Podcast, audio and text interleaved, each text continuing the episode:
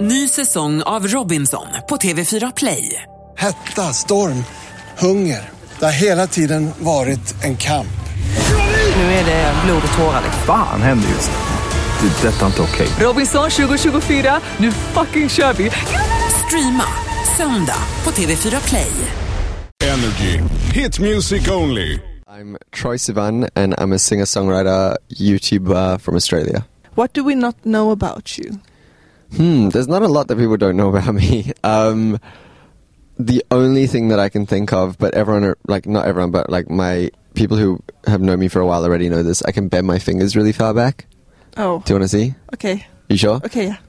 Oh my god! Like, all the way back. yeah. Oh my god. So that's Okay. that. That's your party trick? Yep. Cool. Cool Yep. party trick. I don't have any. Doesn't party score me like that many cool points though. Yeah. I'm like, look at my fingers, and everyone's like, all right, cool. trick. But you had your first ever gig in Sweden Yep. uh, on Monday. hmm How, I mean, you sold out in two minutes. Yeah, it was crazy. Did I- you expect that to happen? Not at all. No, I think anytime I come to like a new country and um, especially if like English isn't necessarily the first language here, it just like blows my mind that there's people who like n- you know know the music or know who I am or whatever. And so to sell out and then come and I've actually wanted to come to Sweden for so long, like since I was I think like 13 or something. I've just been obsessed with the idea of coming here, and then. Um, yeah, I came and just like played the show, and it was I think my favorite show on the whole tour. The crowd was amazing. I just yeah, had the best everyone time. knew the songs. That must be so weird. Like coming to a country first time, Yep.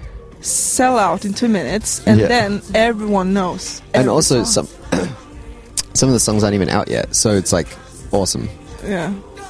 Yeah, we know our internet in Sweden. Yeah. you seem to be really into fashion. I know you had a collaboration with Saint Laurent.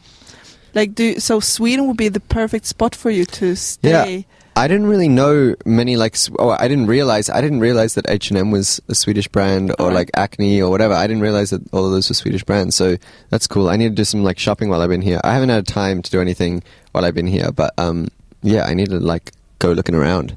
They look a bit Swedish. Like you could be from Really? Södermalm, that's like a typical hipster area. Cool. I feel like in maybe a past life I I lived here. Your new album, Blue Neighborhood, what's your favorite track? There's two. So I would do um, one is a song called Blue that I wrote with Alex Hope, and I write with her all the time. And she is she has the most amazing voice when we're writing together, but she never wants to sing. And I'm like, please sing. And um, so I got her to go into the booth and record her vocals, and then I went in afterwards to like make her comfortable, and I recorded the song as well.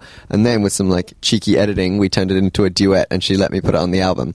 So there's that one, and then. Um, there's another song called For Him that I didn't even like intend to put on the album at all. I just wrote it for like personal reasons, It's like a little love letter to someone, and ended up putting it on the album. So that one's pretty special to me as well. Yeah, I was thinking about your artwork. It's like I said before, your Instagram, it's all very pretty. Do you do you put your hands into the artwork too? Yeah, I mean, the artwork for the album was done by a Taiwanese artist that I found on Tumblr. She also did um, the EP Wild artwork, and um, and then as far as like everything else, just like Instagram, I don't think it's nearly as like glamorous as people think. I'm like constantly taking out my phone and like making little gifs and stuff like that. Just wherever there's something cool, I'll probably do one against this bookcase if you don't mind afterwards. Yeah, sure. It's just like anytime I'm near something cool, I'll just try and, and make something. But it's like very lo-fi, very low budget, no budget for anything. So um, yeah, just like trying to make cool stuff wherever I can. That's great. You're only 20 years old. Mhm. Where will you be in 10 years, you think?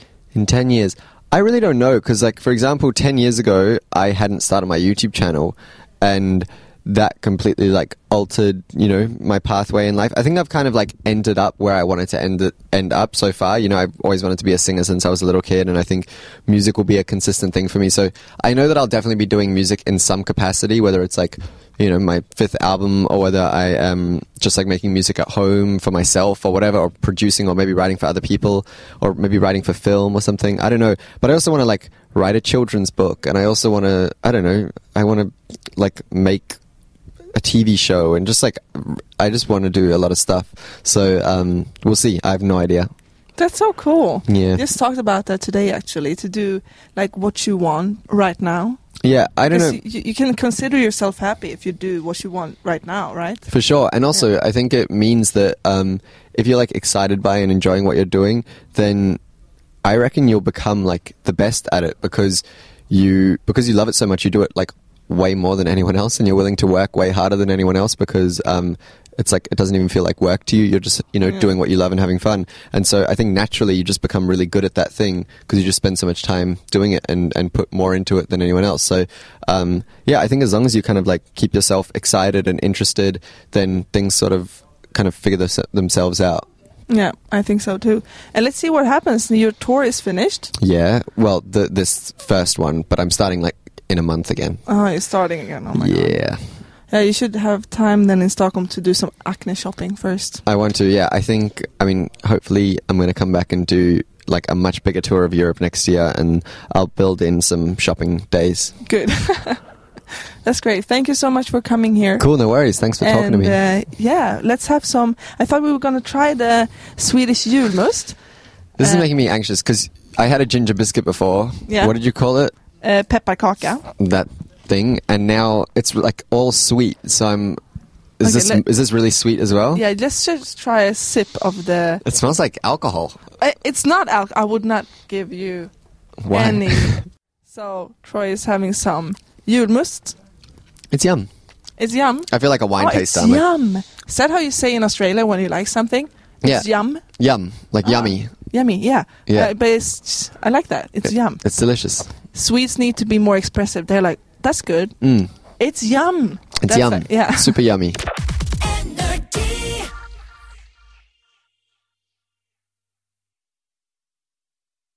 Ny säsong av Robinson på TV4 Play. Hetta, storm, hunger. Det har hela tiden varit en kamp. Nu är det blod och tårar. Fan händer just nu. Det. är Detta är inte okej. Robinson 2024, nu fucking kör vi! Streama söndag på TV4 Play.